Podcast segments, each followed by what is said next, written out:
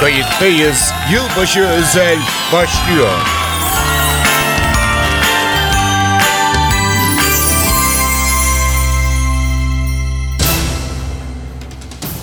İyi günler. Kayıttayız yılbaşı programıyla birlikteyiz. Acısıyla tatlısıyla bir yıl daha geride bırakıyoruz. 2021'e veda ediyor, 2022'yi karşılıyoruz. Yılbaşı özel programında 2021 yılını konuşacağız. Pandemi gölgesinde bir yıl daha nasıl geçti? Psikolojimiz nasıldı? Neler yaşadık? Neler yapmamız lazım? Konuğumuz psikiyatr doktor İlker Küçükparlak olacak. Kayıttayız. Yılbaşı özel başlıyor. Konuğumuz psikiyatrist İlker Küçükparlak. Hoş geldiniz programımıza. Merhabalar, hoş bulduk. Ee, bizim artık geleneksel hale e, gelen e, her yılın e, sonunda farklı kesimlerden insanlarla biraz serbest vezin yıl değerlendirmesi, biraz sohbet, biraz belki sizden alacaklarımız dinleyicilerimizin yararlanacağı şeyler de olabilir. Genel bir soruyla isterseniz İlker Bey başlayayım. Aslında tabii bir yıl 365 gün ve e, çok şey de oldu. E, nasıl e, geçirdik bu yılı ve nasıl geçirdiniz bu yılı diye sorayım.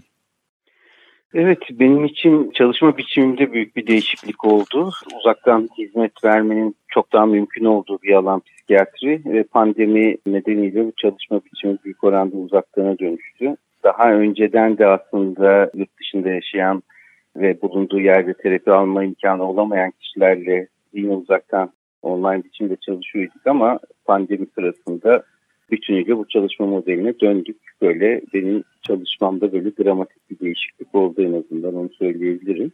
Peki araya hemen gireyim. Bu çalışma biçimi derken tabii yüz yüzeden e, yine yüz yüze ama arada mesafe var. E, bir evet. değişiklik getirdi mi? Yani sizin açınızdan ya da nasıl söyleyeyim danışanlarınız e, açısından bu mesafe hakikaten bir mesafe koyuyor mu araya? Şöyle sizin aslında o çekinceniz literatürde de var. Yani biz bunu yüz yüze veya işte online diye tasnif ediyoruz ama online olan da yüz yüze hatta yüzden başka pek bir şey yok aslında içinde. evet. Dolayısıyla hani bu tabiri kullanmasak mı diye biz de şimdi Türkçe çalışmalar yaparken hani ben evet. kitapta konvansiyonel diye kullandım örneğin. Hı hı. Ama da çok alışılmış bir de nükleer füze, konvansiyonel füze gibi böyle farklı çağrışımları var. Alışıla gelmiş tabirini kullanıyoruz şu an için ama tam bulamadık ki online'ın karşılığını ne yapalım diye.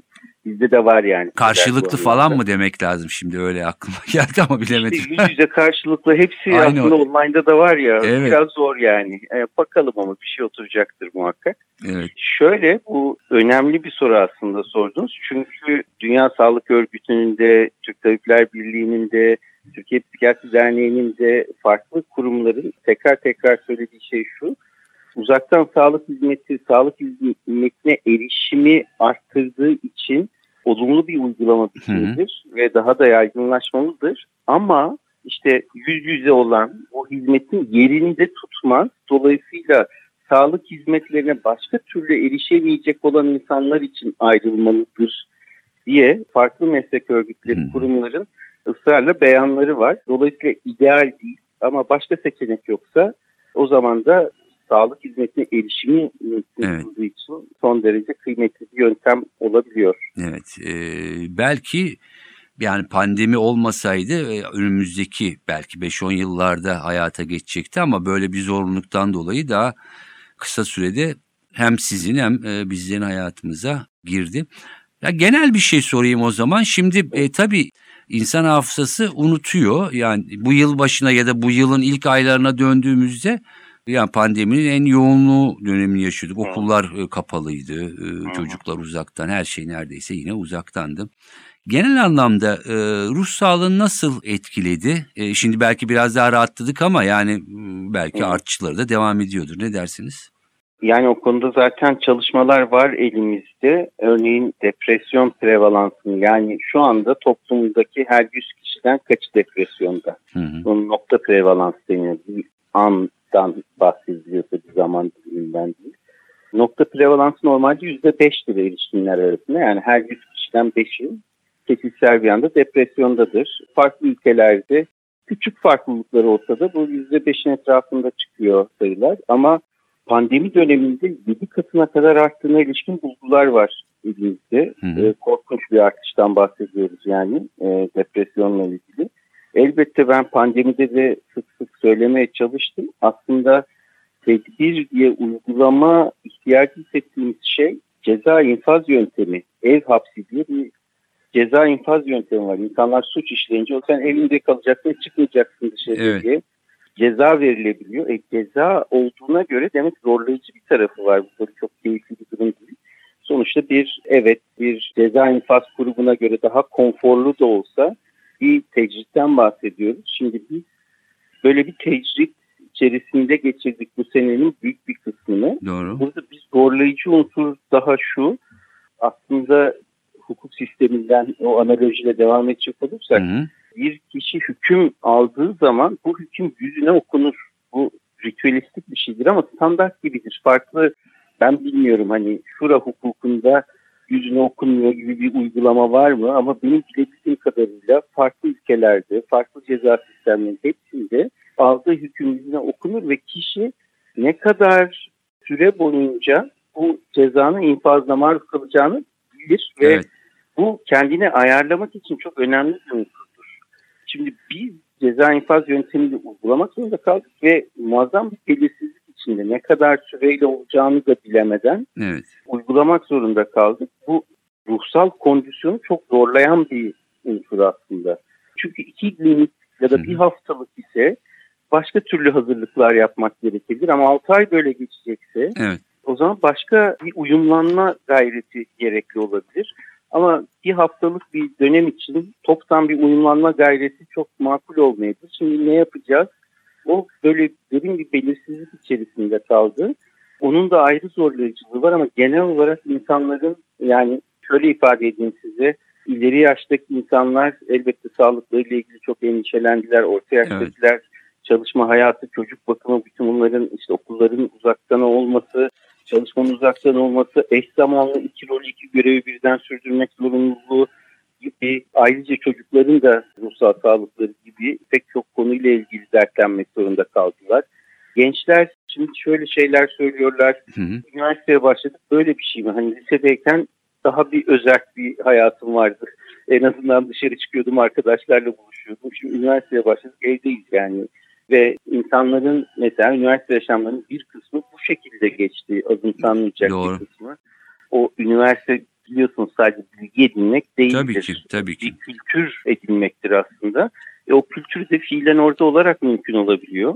O ortamın içinde olarak. Dolayısıyla ondan mahrum kaldılar. E, çocuklar zaten yine çok zorlanan hani dört duvar arasında işte ilkokul çağındaki çocukların uzaktan eğitim alması hı hı. çok zorlayıcı bir durum aslında onlar için. Herkes için zorlayıcı ama daha yaş büyüttükçe elbette odaklanma süreleri, ve değiştiği için zorlayıcı ayrıca akran ilişkileri ilkokul döneminde çok daha kritik bir yerde sosyalleşmeye başlaması açısından. Hı hı.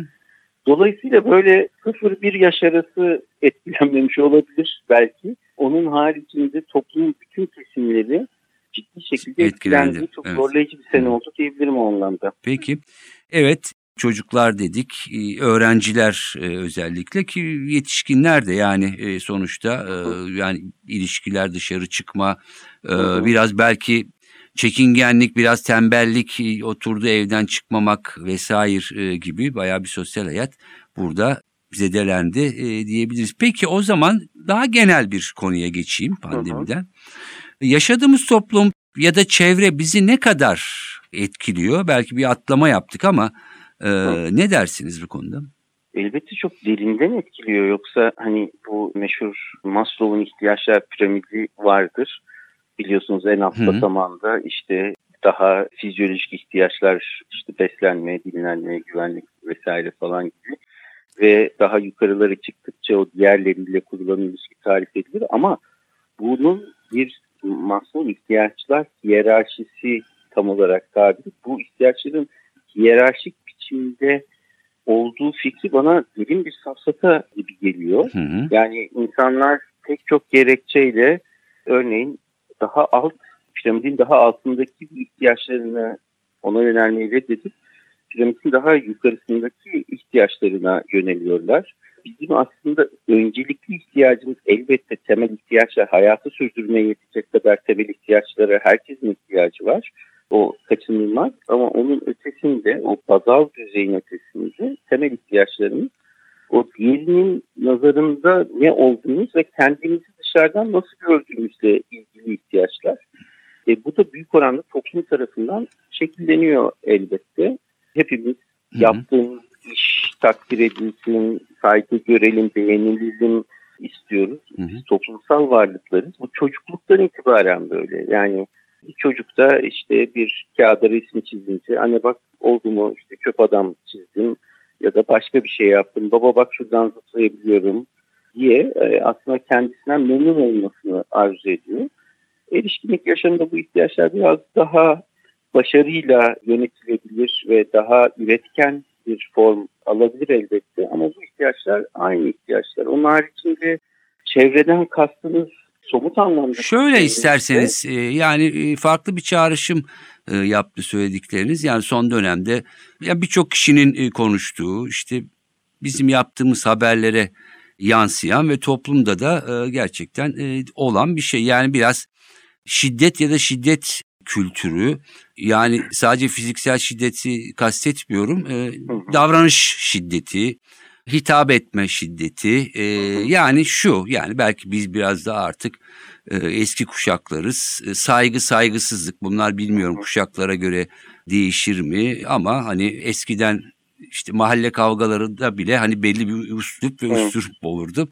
Şimdi, Kavgada söylenmez bu laf diye. Evet e, olurdu. Şimdi e, bu çok e, ortada oluyor. Bunun tabii hani çok yük, e, üst düzeyi var. İşte kadına şiddet, çocuğa şiddet, öldürmeler ama sokakta insanların birbirine karşı herhangi bir tahammül göstermemeleri e, bu hakikaten içinde yaşanılan durum yani bilmiyorum siyasi, ekonomi, sosyal e, durum mu ya da psikolojik bir durum mu ya da kültürel durum mu ya da rol modellerin sonucu mu ne dersiniz? Muhtemelen hepsi birden zaten böyle bir meselenin arkasında tek bir unsur çıkmış olsa şaşırtıcı olurdu. Tek bir unsurla açıklamaya çalışmak çok indirgemeci olur gibi geliyor bana. Dolayısıyla pek çok farklı unsurdan bahsetmek gerekir gibi bir tanesi bana kalsa anomi denilen unsur sosyologların daha çok konusu olan. Hı. Şimdi hani bizim zamanımızda diye tarif ettiğimiz dönemde insanların şehirdeyken bile mahalledeki insanların birbirlerini tanımıyorlarsa bile göz aşinalığı içerisinde oldukları hı hı. Durumdan sanırım bahsetmemiz gerekir gibi. Yani daha da eskilerde işte 1930'lar 40'larda İstiklal'de bir İstiklal Caddesi'ne bir sürülünce bu kim yeni gelmiş galiba daha önce görmedik şeklinde aralarında konuştukları oluyormuş örneğin oradaki hı hı. esnafın. En kalabalık cadde bile aslında son derece insanların birbirine aşina oldukları olabildikleri bir durumda olabiliyor eski bağlamda. Ama hem nüfusun çok yoğun biçimde artması hem kent kültüründeki ortak yaşam alanlarının giderek ortadan kaybolması ile birlikte artık insanların birbirlerini tanımadıkları dolayısıyla aralarında bir kontrat kurmanın ya da kontrata uymamanın bir bedelinin olmadığı e, bir durum oluştu. Şimdi siz bir kasabada örneğin birisi trafikte size bir terbiyesizlik yaparsa o kişiyi tanımıyorsanız bile tanıyan birini tanı bulabilirsiniz kolaylıkla. Evet. Ama metropolde bu mümkün. Dolayısıyla o yaptığı saygısızlık, sınırsızlık, terbiyesizlik ya da saldırganlık yani bir aracı üstüne kırmak da bir saldırganlık biçimi. E, bütün bunların bir bedeli olmayabiliyor. Bu bedeli derken de yine hukuki bir bedel yaptırımdan bahsetmiyorum. İnsanların bilinebilir olması, tanınabilir olması bir tür utanç duygusuna yol açabiliyor böyle senaryolarda. Fakat işte bundan kurtulmak mümkün oluyor bu bağlam içerisinde. Hı hı. Sonrasında belki biraz internet kültürü ile birlikte oradaki anonimlik elbette benim yorumum hı. çok önemli bir özgürlük alanı ve anonimlik olamayınca ne kadar anonimlik ne kadar mümkün o da bilişimcilerin ayrıca tartıştığı bir konu tabii ama en azından ilk görünür şekilde o anonimlik olmazsa çok ciddi baskıcı, korkunç, distopik bir düzene gidebilir hızlıca işler. Ama oradaki anonimite bu anonimiteyi e, ve bu kültürü, anonimite kültürünü kuvvetlendiren başkacı bir unsur oluyor gibi görülüyor. Bu anonimliğin içerisinde tabii evet. Türkiye'de ve aslında dünya genelinde de öyle. Yani o bu sene miydi, yok geçen sene miydi hatırlayamadım şimdi ama işte Cumhuriyetçiler Beyaz Sarayı bastılar evet. falan. Evet. Yani hani bu böyle bir olay önceden söyleseler ya mümkün değil hani hı hı. olmayacak işler oldu bilmiyorum sizin alanınız ama benim dışarıdan görebildiğim kadarıyla. Doğru söylüyorsunuz. Ama hı hı. yani bu şuna işaret etmeye çalışıyorum. Genel olarak toplumlarda hepsinde değilse de pek çok toplumda bir kutuplaşma görünüyor aslında son dönem içerisinde. Bu elbette siyasetin de çok etkisi altında gelişen bir durum.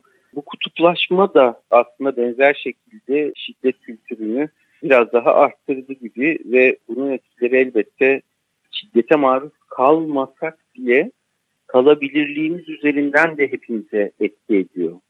Kendimizi güvende hissedemediğimiz için de yani travmatize olmasak da anksiyöz oluyoruz diye psikiyatrik jargonla hmm. ifade edebilirim başımıza bir şey gelmese de gelebileceğini biliyor olmak, gelmesinin bu kadar kolay olduğunu ve gelince de bununla ilgili bunu restore edecek bir adalet duygumuzu tatmin edecek bir sonuç alamayabileceğimizi biliyor olmak elbette çok zorlayıcı bir ruhsal durum oluşturuyor. Evet. Bu sene yani siz konuşurken e, yine çağrışım yaptı. Yani bizim de yaşadığımız ya da çevreden dinlediğimiz ya özellikle bu işte pandemi süreci, evlere kapanma ve daha sonrasında ilk başlarda evet biraz daha böyle hani insanların belki kendilerine vakit ayırdığı eve, işte aileye, ne bileyim okuma, seyretme vesaireye. Fakat daha sonradan şu tür şeyler duymaya başladım. Bir kısmı bende de oldu. Mesela okumada odaklanma sorunu. Efendim sıkılıyorsunuz ki kitap okumayı seven biriyim. Yani bir noktadan sonra bırakıp bir ara verip tekrar alıyorsunuz.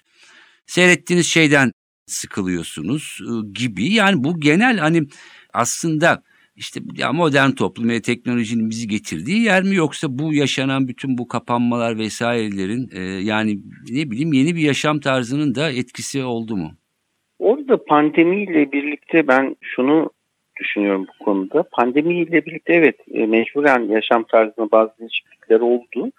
Ve fakat mesela bu verdiğimiz örnekte insanların arasında olmanın, dışarıda olmanın ve insanların arasında olmanın hani bunlarla ikame edilebileceği kişiler izlemek okumak ki seven bir insan olsanız bile hı hı. bunlarla ikame edilebileceği çok yerinde bir öngörü olmayabilir. Hani diyeceksiniz ki başta ne var elimde? Elbette. Şuna işaret etmeye çalışıyorum. Başta da söylediğim gibi biz toplumsal varlıklarız. Kendimizi anlamak için birine ihtiyaç duyuyoruz. Şimdi bu pandemideki bu durum diğerinden bu diğeri de etkileşimde olmadığımız yani bir ekranda gördüğümüz diğerinden de bahsetmiyorum bir etkileşim içinde olduğumuzu diğerinden çok ciddi şekilde mahrum kalmamıza sebep oldu. Ondan sonra o mahrumiyeti tabii daha konforlu yaşamanın yollarına bakılabilir. Ama bana kalsa bu mahrumiyeti azaltmanın bir takım yolları var mı? Olabildiğince bertaraf etmenin bir yolu olmasa da olabildiğince azaltmanın yolları var mı diye bakmak daha iyi bir fikir olabilir gibi geliyor bana. Hani çok alışkanlığı olmasa bile insanın benim mesela yoktur aslında iş dışında ve eğitim dışında hani online buluşma bir arkadaşlarla öyle bir alışkanlığım yoktur. Ama pandemi döneminde böyle şeyler gerekti. Yoksa dediğim gibi çok derin bir mahrumiyet oluşacaktı. Evet. Ya da dışarıda olmak için gerekçe kalmamış olsa da dışarıya sadece dışarıda olmak için çıkmak da gerekiyor. Bu tecrit psikolojisini biraz olsun hafifletebilmek için. Hı hı. Evet evimizden çalışıyoruz, işte evimizden işimizi yapıyoruz, başka evimize sipariş geliyor, evimizde yiyoruz. Dışarıya çıkmanın gereği kalmadı ki pandeminin pek çok döneminde biliyorum ki zaten dışarı çıkmakla ilgili kısıtlılıklar da oldu ama evet. onun haricinde de bir elini ayağını çekmek gibi bir duruma dönüştü bu pandemideki yaşam biçiminin böyle bir sonucu da oldu gibi geliyor bana. Şöyle söyleyeyim. Örneğin emlak sitelerine baktığınız zaman hani şey vardı da deniz manzaralı ya da önü açık evet. ifadeler vardı ve bunlar fiyatları arttıran unsurlardı. Evet. Halbuki bir evde otururken hani işte duvar, tavan, taban, pencereler, işte büyüklüğü falan bu gibi unsurlar önemli gibi geliyor bize somut anlamda ama insanın yüz binlerce yıldır evrimleştiği o doğada insan ufuklara bakardı, uzaklara bakardı. Hı hı. Şimdi uzaklara bakamıyoruz şehirde, evin içinde kalınca hiç bakamıyoruz ve bu aslında elbette çok klostrofobik bir durum evet. oluşturuyor. Hı. Bunun gibi bunlardan sıkılmamak yani bir süre sonra kitap okumaktan ya da bir şey izlemekten sıkılmamak bence mümkün değildi. Bir takım çok tabii iyi niyetli şeylere de rastladım. İşte hani krizi fırsata çevirmek gibi. Hı hı. Pandemide o zaman işte ne bileyim şunları okuyayım bunları yapayım. Hı hı. Öyle bir yararlanmış olayım. Şey diye tarif etmeye çalışıyorum. Yani işte Nuh tufanı olduğunda gemidekiler o kriz tatil yapıyoruz. Şöyle işte güneşlenelim istifade edelim diyemezler. Çünkü çok zorlayıcı, travmatik bir durum bir taraftan. Bildikleri bütün dünya sular altında kalmış, başka tanıdıkları ölmüş, gelecekleri belirsiz. Elbette o kadar katastrofik bir durum değilse de pandemide de hani böyle evdeyiz, boşuz, işimiz gücümüz yok. Ne güzel bunu fırsata çevirip karlı çıkalım koşullanması daha derin moral bozukluklarına sebep oldu gibi görünüyor bana. Peki. Zararsız çıkalım daha iyi bir fikir gibiydi özetle. Peki. İlker Bey son sorum olsun. Yani bu yılı kapatıyoruz. Hem cevap verirken bir de aklınızda sizin için çalmamızı istediğiniz e, herhangi bir parça e, varsa sonunda onu da sizden e, alalım. Yani yeni bir e, yıla giriyoruz. E, genelde klasiktir hani beklenti, e, umutlar gibi. E, herkes de hep böyle daha umutla bakar. Bakması da gerekir. Bütün olan bitene rağmen dünyada ve e, memlekette. Ne dersiniz sizden de alalım dinleyicilerimize neler söylemek istersiniz önümüzdeki aylar ve 2022 için. Herkesin yeni yılını kutlayayım o zaman konu geldiyse. Şöyle benim görebildiğim kadarıyla en heyecansız, en beklentisiz en hatta karamsar olarak girilen bir yıl oluyor gibi görünüyor 2022. Ne yazık ki. Evet bunun sebepleri, olası sebepleri, özellikle e, pandemi sonrasında da ekonomiyle ilgili zorluklar hı hı. üst üste binince insanların karamsarlıkları daha da arttı. Ve böylelikle yeni yıldan da çok fazla bir şey beklememe gibi bir durum oluştu. Bir de hani şey de orada belki ekleyebiliriz pandeminin daha önceki aşamalarında, daha erken aşamalarında insanların bir pandemi bitiş tarihi diye bir kavram üzerinde konuşuyorlardı. Ne zaman biter? Ama hani çok olağanüstü bir işte aşılamayla ilgili falan dünya tarihinde neredeyse görülmemiş biçimde bir e, gayret olmadıktan sonra pandeminin bitiş tarihi diye e, bir şey adreslemek çok mümkün olmayacak. Şimdi öyle de görünüyor gibi. Yani bitmekten neyi kastediyoruz? Vaka hızının nereye düşmesini kastediyoruz gibi. Hı hı. O da olmayınca böyle hani azalarak bitecek bir şey gibi görünüyor. Dolayısıyla bir bitiş tarihi tarihlenemiyor. Böyle azala azala bir süre daha hayatımıza devam edeceğiz. E, bir yandan ekonomik anlamda ciddi bir karamsarlık oluşturan bir tablo var ve bu sebeple 2022'den pek bir beklenti ben göremiyorum insanlarda işin açıkçası. Orada hatta benim yani endişelerimden bir tanesi de bu kriz dönemlerinde özellikle erkeklerde intihar riski falan biçimde artırılıyor. Bununla ilgili de bir endişe duyuyorum. Orada şeyi hatırlatmakta fayda var. Krizler elbette ben iktisatçı değilim ve bilmiyorum Hı. ne olur kriz gidişatı ama krizler yaşanırken hayat hep öyle kalmış gibi bir duygu oluşuyor. Bu her türlü krizde öyle. Hı. Yani Deprem olduğunda da insanlar ne bileyim işte çadırda yaşamaya başlıyorlar. Artık böyle oldu hayatımız diyorlar. Önceden böyleydi ve artık böyle. Bundan sonra da böyle olacak. Ama hayır öyle değil. İşte çok büyük bir deprem yaşadık. Marmara depremi. Yani o depremden kurtulan milyonlarca insan deprem koşulları alakası olmayan yepyeni yaşamlar kurdular kendilerine ve hayat devam etti. Kriz dönemlerinde böyle. Yani artık böyle kaldık, böyle olduk, bu koşullardayız, hayat bundan sonra böyle devam edecek gibi bir duygu oluşabiliyor ama öyle olmuyor. Hı hı. Aslında bir süre sonra koşullar başka bir şeye dönüşüyor. dönüşüyor. Aslında. O yüzden en azından insanlara o şeyi hatırlatabilirim ben. Yani çok kötü şeyler oldu artık böyle kaldık. Hayat böyle oldu. Olacak, evet. Oluşuyor ama hayat hiç yerinde durmuyor.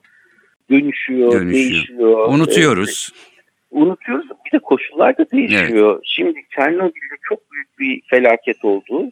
Şimdi Çernobil dünyanın en yeşil yerlerinden bir tanesi. Ama bu hı hı. felaket olduğu gerçeğini değiştirmiyor da o felaketin olduğu zamanki gibi hani yaşamın barınamayacağı bir yer falan hı hı. değil Çernobil. Onun gibi hem biz unutuyoruz ama unutmasak bile o koşullarda kalmıyoruz. Yani hayat akıyor bir şekilde. Bunlar da akacak evet. diye düşünmekte fayda olabilir. Peki. Umarız e, bu yıldan daha iyi bir yıl olur. Konuğumuz psikiyatrist İlker, Doktor İlker Küçük Parlak. Var mı aklınızda bir parça çalmamızı istediğiniz aklınıza gelen? Yani konuşurken Jefferson Airplane'in White Rabbit'i geldi aklıma. Peki. Ee, Size o zaman şey Jefferson ya. Airplane'den White Rabbit doğru söyledim değil mi? Doğrudur. Evet. Peki 2022'ye e, sizden dinleyicilerimizi de e, bu parçayı e, yollayalım. Çok teşekkür ediyorum katıldığınız ve sözleriniz, tavsiyeleriniz için sağ olun. Ben teşekkür ederim. İyi seneler. Hoşçakalın.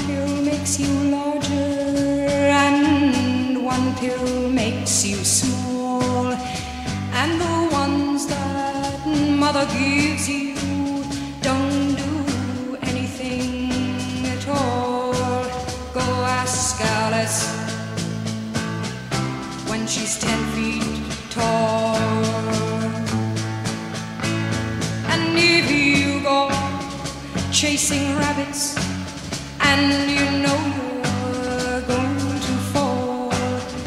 Tell him a ah, hookah,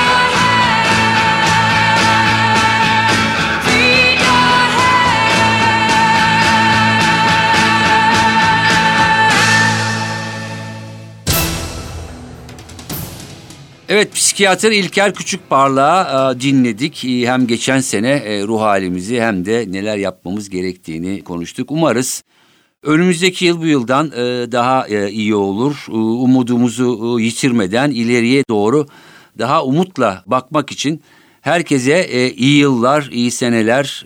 Herkesin önümüzdeki yıl her şey gönlünce olsun diyorum. Ben Mete Çubukçu, editörümüz Sevan Kazancı ve prodüktörümüz Atilla Özdal'la bir yıl boyunca sizlere buradan farklı konularda seslenmeye, e, bir takım konuları yorumlamaya e, çalıştık. Tekrar e, iyi yıllar, mutlu seneler, hoşçakalın.